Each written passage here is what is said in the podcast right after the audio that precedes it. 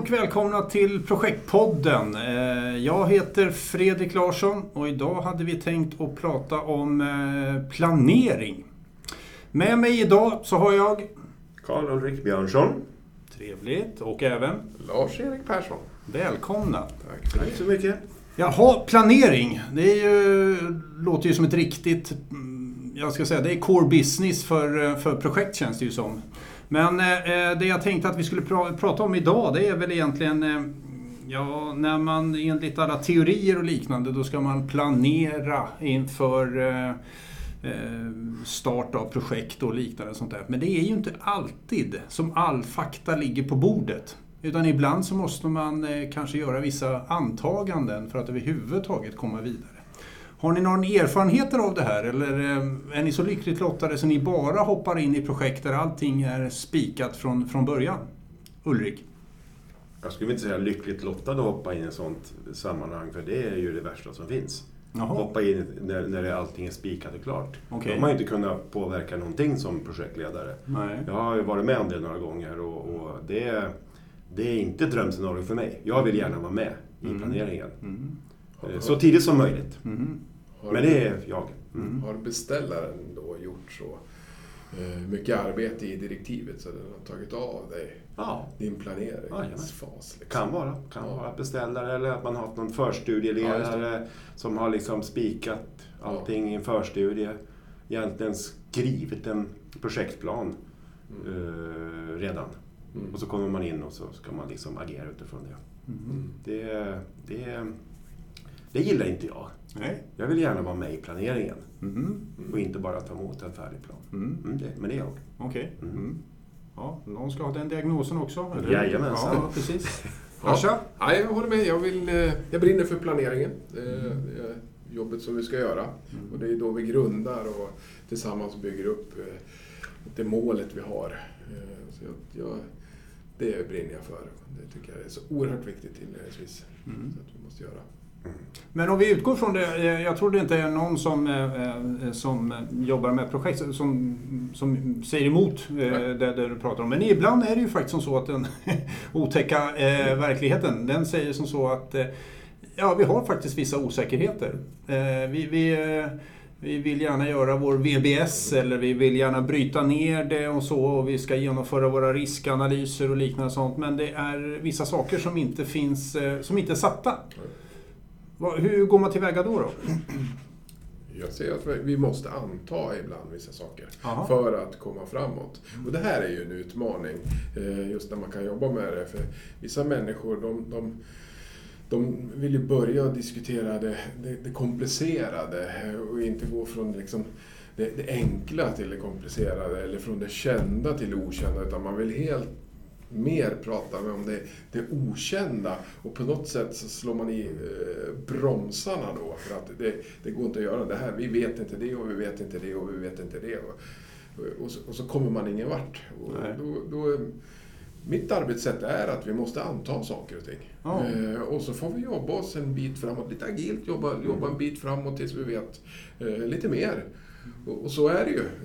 Eh, så är ju hela projektgenomförande. Det är successiv projektförfining. Så på slutet, när vi är klara, då vet vi som mest. Så, Vad vi borde ha gjort. ja, precis. Eller hur vi borde ha ja. gjort det. Jag är glad att du säger vi Larsa. Ja. Därför att jag tycker det här är en, definitivt en gruppövning. Ja, det är det. Och, och, och det är därför som det är så himla svårt att göra planeringen när man är själv. Eh, Det, det kan ju vara många gånger så att man är ensam projektledare. Sen så kommer projektgruppen att docka på efterhand. Och då har man gjort projektplanen redan. Det, det, då får man ju, tycker jag, lämna ganska mycket luckor. Mm. Och så får man göra planeringen under genomförandet nästan. Mm. Det att, ja. Så det, det, för jag tycker ändå att typ riskanalys är ju jättebra att göra i grupp istället för att sitta och kuckla själv på kammaren. Men vad ser ni för, eh, för symptom, inte symptom, men vad ser ni för, eh, för tecken när det då blir typ sånt där? Att, eh, nej, nu har vi faktiskt inte de här förutsättningarna. Eh, Vad ser ni för tecken då? Hur brukar det låta i styrgrupper och i projektgrupper och så? Vad, ska man vara uppmärksam på om man är- är projektmedlem eller projektledare? Jag kan ju eh, uppleva ibland då att man fokar på eh, andra saker, extra, externa delar. Och, och, och börja liksom att, att sätta lampan på det. Eh, vilket då, man belyser någonting som är utanför projektet som gör att vi kan inte jobba. Då, då liksom ringer det lite varningsklockor och det är fel på det ena och det andra. Eh, och så vill man gärna väva ihop ett beroende med projektet som gör att vi kommer inte att komma framåt. Igen då. Mm. Det, det ser jag som en sån där liten då, då, en varningsflagg. Eh, och då känner jag att lite medicin till det hela, det är att avgränsa bort de här delarna då. Mm. Men okej, om vi tar bort det där, kan vi komma framåt då? då? Mm. Och så successivt börja komma ner i, i hanterbara bitar som gör att vi, vi kan fortsätta planera, kan göra vår plan. Mm. Det, Så att avgränsning är en sak. ja. Ulrik, ser ser du någonting kanske, annat? Jo, men kanske också titta om man har, du har gjort en planering, kanske en aktivitetsplan så, och kanske ändra ordningen för det, men det, här, det här är inte framkomligt just nu. Men då får vi kanske parkera den här aktiviteten. Vi kanske måste göra, göra någonting annat först. Någon annan aktivitet. Vi, vi får ändra om lite grann i tidsplanen. Det sitter jag och brottas med nästan, Mm. inte varje dag, men, men väldigt ofta i alla fall. Det, det, nej, det, här, det här är inte görligt just nu. Ja, men det är bara att titta, vi har haft en pandemi, eller har en pandemi, som har Mm. gjort att vissa saker är omöjliga att genomföra. Ja. Men projektet skrevs fram innan, Mm. med de förutsättningar som rådde då. Mm. Och, och då får man ju liksom laga efter läge. Mm. Och, och det, det tror jag, det var väldigt få risk och konsekvensanalyser som tog höjd för det, Precis. Ja, det, faktiskt. ja. Där ringer varningsklockorna hos dig, Fredrik.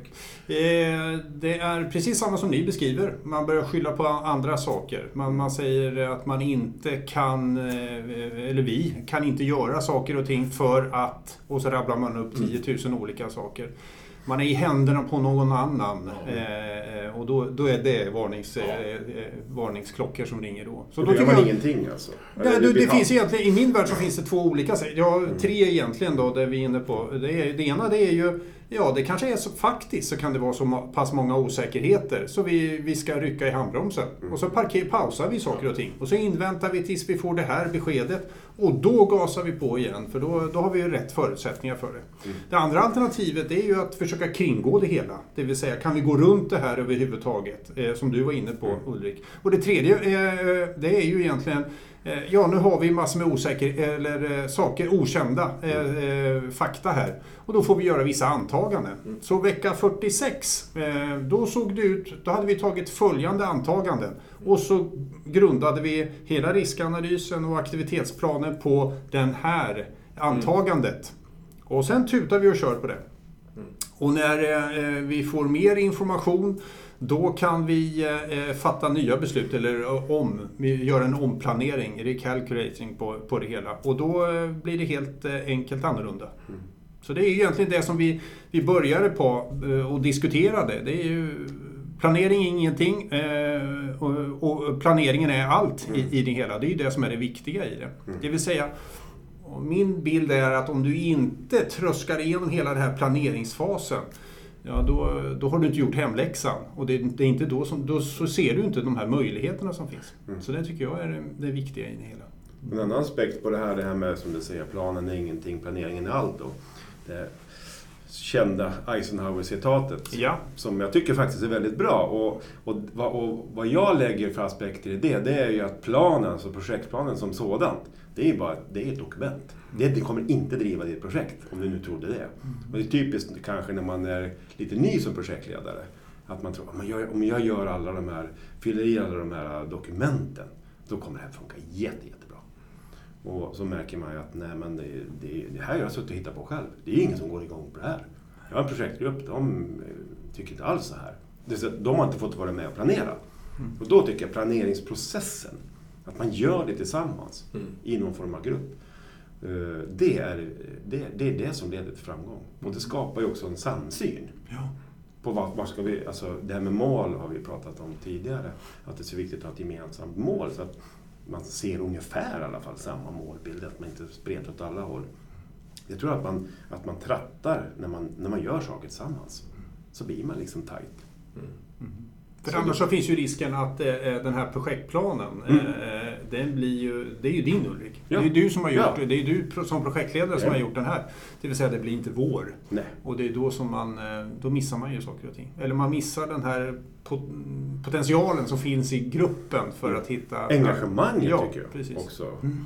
Och engagemanget tycker jag får man när man är delaktig Mm. i någonting. Mm. Och inte hamna precis som, då är tillbaka lite grann där att komma till ett dukat bord. Mm. Bara genomföra en projektplan. Mm. För mig så är en stor skillnad just plan eller planering. Just att, att plan, kan vara att vi, vi ska eh, inta eh, landet eller vi ska vinna matchen eller vi ska eh, bygga huset. Men planering, det är Eh, vi ska göra, vi ska bygga huset i de här olika faserna, i den här tidsaspekten. Eh, vi ska eh, vinna matchen genom att vi planerar för att vi ska rycka fram på högersidan. Eller, så, det är liksom de, de genomförande momenten som man måste ha kompetensen för att tillsammans få, igen, få fram sin planering. Eh, som jag ser det. Det, det, det är det viktigaste. En plan, det, det kan vi alla göra. Eh, skriva ner. Det är bara att ta en mall. Ja, precis. fyller man i Men den. att få ihop planeringen, eh, då krävs det kompetens runt bordet. Eh, Verkligen. olika, eh, olika aspekter eh, för att få det här att gå i den mest optimala ordningen i rätt takt och med mera, med mera. Mm. Så där gör jag en skillnad.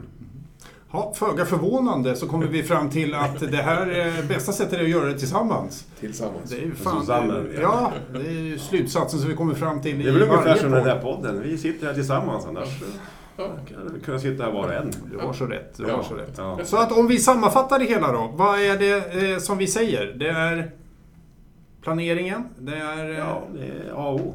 Att, Det är man gör, att man gör den och att man gör den tillsammans. Ja. Så många som möjligt. Och kan man, har man inte all fakta för att kunna göra den, då får man kringgå eh, problemet eller också får man ta vissa antaganden. Mm. Och löser man inte på det sättet, då är det kanske till och med läge att eh, eh, testa och pausa projektet.